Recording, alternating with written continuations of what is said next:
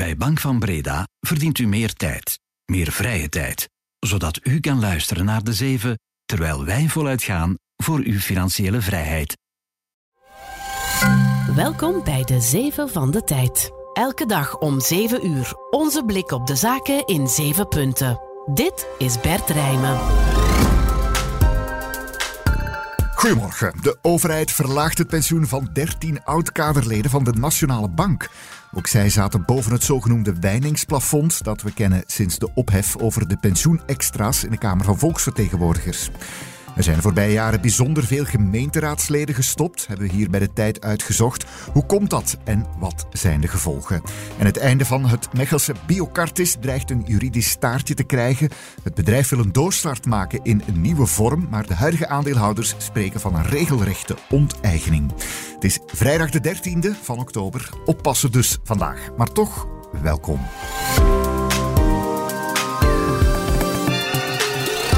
Zeven van de Tijd. 1. De federale pensioendienst heeft de wettelijke pensioenen van 13 oud-kaderleden van de Nationale Bank geschorst of verlaagd.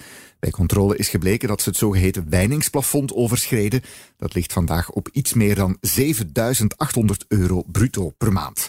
Blijkt nu dat die 13 gewezen kaderleden daarboven zaten met hun tweede pensioenpijler, de groepsverzekering met andere woorden. En daarom zet de pensioendienst het wettelijk pensioen, die eerste pijler, dus in sommige gevallen op nul. Ze kunnen immers niet inbreken in een groepsverzekering. Goedemorgen, Dieter Tujardin. Goedemorgen Bert. Collega van de politieke redactie. Het is een beetje technisch, Dieter, maar wat is nu precies het probleem met het pensioen van die mensen van de Nationale Bank? Wel, in het geval van 13 kaderleden is uh, vastgesteld dat zij uh, de overlijdensdekking die voorzien is in hun uh, groepsverzekering, ja, dat zij die afgekocht hebben op het moment dat ze in pensioen gingen. Dat, dat is toegelaten in heel wat groepsverzekering. Maar dus de, de pensioendienst concludeert daaruit nu dat uh, dit bedrag moest meegerekend worden in het uh, toetsen van het pensioen van de betrokkenen aan het wijdingsplafond. Terwijl de Nationale Bank al jaren van mening is dat dit eigenlijk bij het pensioen van de partner van de medewerker moet gerekend worden. Want die partner krijgt dat geld uiteindelijk bij het overlijden van de gepensioneerden. Wat zegt de Nationale Bank daar nu zelf over? Wel, de Nationale Bank is op zich geen betrokken partij. Het is een, uh, dispuut tussen de pensioendienst en die 13 kaderleden. Mm -hmm. Uh, maar uiteraard, ja, uh, zij hebben dit standpunt ook gekregen. En uh, zij zeggen, ja, wij zijn het hier niet mee eens. Wij vinden dat wij de regels correct hebben toegepast. Maar we zullen dit standpunt maar volgen. Dus in de pensioenplannen voor medewerkers die voor 17 in dienst kwamen, want daar gaat het hier over, ja, die worden aangepast. De overlijdensdekking zal alleen ook uitbetaald kunnen worden aan de langstlevende partner op het moment van overlijden. Het gaat om mensen die al een tijdje op pensioen zijn. Dieter, waarom komt dit nu pas aan het licht? Ja, dat is een terechte vraag. Uh, de pensioendienst zegt daarover uh, zelf dat het uh, nog, maar door een recente wetswijziging in staat is om, eh, om meer inzage te krijgen in de gegevens van de aanbieders van groepsverzekeringen, dus verzekeraars. Mm -hmm waardoor het pas eigenlijk sinds begin dit jaar in staat is om uit te maken of de werkgever uh, van uh, achter een groepsverzekering nu privaat of publiek is. Dus uh, zij gaan nu aan de slag bij allerlei overheidsdiensten met controles en naar het schijnt zou de volgende in het vizier de FSMA zijn. Daar zou dan ook nog eens nieuws uit kunnen komen. Dankjewel voor je uitleg, Dieter. Graag gedaan. 2. Ook de voorbije uren heeft de Israëlische luchtmacht weer doelwitten bestookt in de Gazastrook. Bij het bombardement van één huis in het vluchtelingenkamp van Burei zouden daarbij tenminste 17 mensen zijn gedood. Het Israëlische leger heeft intussen aan de VN laten weten dat zowat 1,1 miljoen Palestijnen zich de komende 24 uur naar het zuiden van de Gazastrook moeten verplaatsen om in veiligheid te kunnen zijn. Daarmee lijkt het leger aan te geven dat het Israëlische grondoffensief nu zeer dichtbij komt. Als dat er komt, is het de bedoeling om Hamas zowel militair als politiek uit te schakelen. Al dreigt het offensief ook uit te draaien op een bloedige guerrilla-oorlog. Waarnemers verwachten dat Hamas de Israëlische militairen naar de dichtstbevolkte plaatsen zal lokken om hen dan in de smalle straten te bekampen met sluipschutters, bermbommen en drones. Maar het grootste slachtoffer wordt zonder enige twijfel de burgerbevolking. Er wonen 2,4 miljoen mensen op amper 365 vierkante kilometer Gazastrook. De Israëlische aanvallen zullen bij gevolg ook burgerdoelen treffen, terwijl Hamas niet aarzelt om burgers in te zetten als menselijk schild. En er zijn dan nog de tientallen gegijzelden in handen van Hamas. En er is nog de vraag: wanneer is het afgelopen? Wanneer kan Israël zijn troepen dan terugtrekken? Hoe bepaalt premier Netanyahu dat Hamas is uitgeschakeld? Moeilijk te beantwoorden allemaal. Er dreigt dus een nieuwe Israëlische bezetting van de Gazastrook. 3. Sinds het begin van de huidige legislatuur in 2019 zijn in de Vlaamse steden en gemeenten al zo'n 1300 gemeenteraadsleden vroegtijdig gestopt. En dat op een totaal van bijna 7400 gemeenteraadsleden blijkt uit een analyse van de tijd precies één jaar voor de volgende gemeenteraadsverkiezingen. Collega Matthias Verbert, goedemorgen. Goedemorgen, Bert. Je hebt je oren te luisteren gelegd bij enkele politicologen, Matthias, maar ook bij de gemeenteraadsleden zelf die gestopt zijn. Van waar die grote uitval? Ja, het is een grote uitval. Hè. Uh, er zijn natuurlijk de normale vertrekkers, zeg maar. Mensen die ziek zijn, mensen die overlijden ook, mensen die naar een andere gemeente verhuizen of politieke afspraken die gemaakt zijn. Mhm. Maar wat we zien is dat er um, toch een steeds groter aantal mensen is die uit frustratie, uit ontevredenheid uh, moet afhaken van uh, de lokale politiek. En wat daarbij opvalt is dat um, eigenlijk jongere uh, gemeenteraadsleden en vrouwelijke gemeenteraadsleden oververtegenwoordigd zijn bij die vertrekkers. Mm -hmm. Frustratie bij die vertrekkers, Matthias, uh, van waar komt die? Je ziet eigenlijk dat uh, gemeenteraadsleden die vaak aan politiek moeten doen in hun vrije tijd heel weinig tools in handen hebben om de steeds complexere gemeentepolitiek te gaan controleren, wat uiteindelijk hun taak is als wetgevende macht uh, op lokaal niveau. Mm -hmm. De uitvoerende macht, dus uh, de burgemeester, de schepenen, krijgen steeds meer macht in handen. En heel veel gemeenteraadsleden hebben het gevoel dat ze erbij zitten en uh, heel weinig impact hebben. Mm -hmm. Dan valt die, ja, die controle op de uitvoerende macht eigenlijk weg natuurlijk. Valt die trend te keren? Er zijn een aantal voorstellen die gedaan worden om die gemeenteraadsleden beter te begeleiden door bijvoorbeeld raadsgriffiers aan te stellen, zoals in Nederland. Um, ook is er een voorstel om politieke verloven makkelijker te maken, om zo raadsleden twee tot vier dagen per maand de tijd te geven om bezig te zijn met de lokale politiek. Maar voorlopig is eigenlijk op het vlak van de versterking van die gemeenteraad weinig gebeurd en heel veel uh, om, om de colleges van burgemeesters en schepenen te versterken. Dus daar ligt nog veel werk op de plank. Dankjewel, Matthias. En veel plezier. Wie meer wil weten over de grote uitval van gemeenteraadsleden, check de volledige analyse van Matthias op tijd.be. 4. Het Belgische fintechbedrijf Unbox krijgt de steun van een van de grootste banken ter wereld.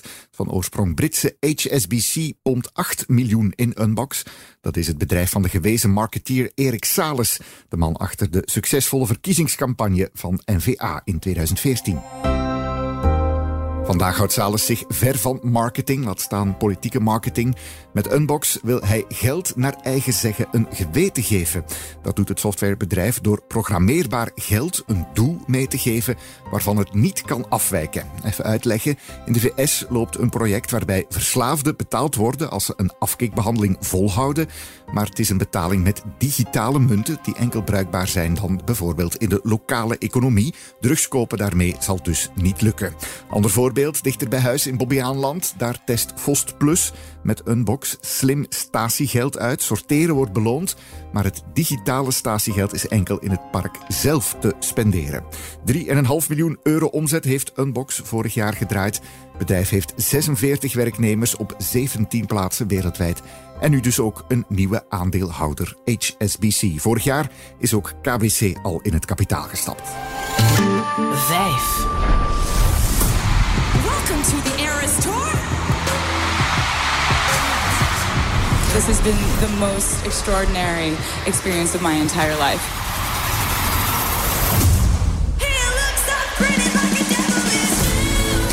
Taylor Swift is dit in de trailer van haar film Taylor Swift The Eras Tour. Die gaat vanavond in première in de bioscopen. Een beetje een troostprijs voor wie geen tickets kon vastkrijgen voor de gelijknamige en volledig uitverkochte wereldtournee. En vooral ook een cashcoe voor Swift zelf. Voorkennis. De popdiva sloot voor de distributie van haar concertfilm rechtstreeks een deal met de Amerikaanse bioscoopketen AMC.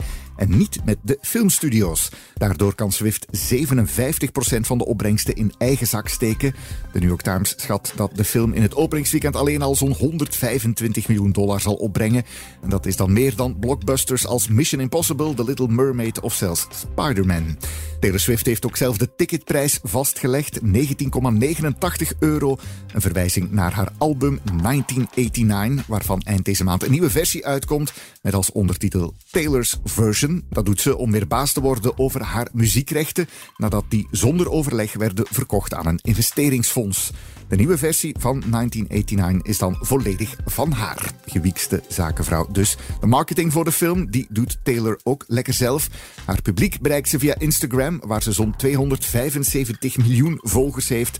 En als kers op de taart nodigde ze op de Amerikaanse première van haar film eerder deze week mede popgodin Beyoncé uit. Aandacht verzekerd. Check it out. 6. Een dertigtal aandeelhouders overweegt juridische stappen tegen Biocartis, de Mechelse specialist in zogeheten zaklabo's voor snelle medische diagnose. De aandeelhouders voelen zich bekocht. Het bedrijf wordt namelijk geliquideerd, waardoor ze wellicht met een lege schelp achterblijven. Redacteur beleggen hier bij de tijd, Evert Nerings. Goedemorgen. Goedemorgen Bert. Misschien eerst nog eens herhalen, Evert, hoe zit dat met die liquidatie van Biocartis? Wat is het plan? Wel, het plan is dat uh, de obligatiehouders, dus de, de schuldeisers van Biocartis, die gaan um, een, nieuwe, een nieuwe vennootschap oprichten. Die zal de naam No Biocartis meekrijgen. En de operationele activiteiten van het huidige Biocartis, die verhuizen naar die nieuwe vennootschap. En hoe komt dat nu, Evert, dat die obligatiehouders wel en de aandeelhouders niet meegenomen worden in die nieuwe vennootschap? Uh, wel, bij het afsluiten van die obligatielening waren de operationele activiteiten het onderpand van die leningen. En uh, de schuldeisers, de obligatiehouders in dit geval, die doen een beroep op dat onderpand, waardoor zij eigenaar worden van die operationele activiteiten. Mm -hmm. In ruil laten zij de 132 miljoen euro schuldvorderingen vallen en zij pompen nog eens 40 miljoen euro extra in het kapitaal van uh, het nieuwe Biocartis. Mm -hmm, maar ja, zoals we in het begin van ons gesprek al zeiden, Evert, de aandeelhouders van het huidige Biocartis laten het daar blijkbaar niet bij overwegen dan nu juridische stappen. Inderdaad, zoals je zegt, die aandeelhouders die voelen zich een beetje bekocht omdat ze nu achterblijven met een lege beursschelp.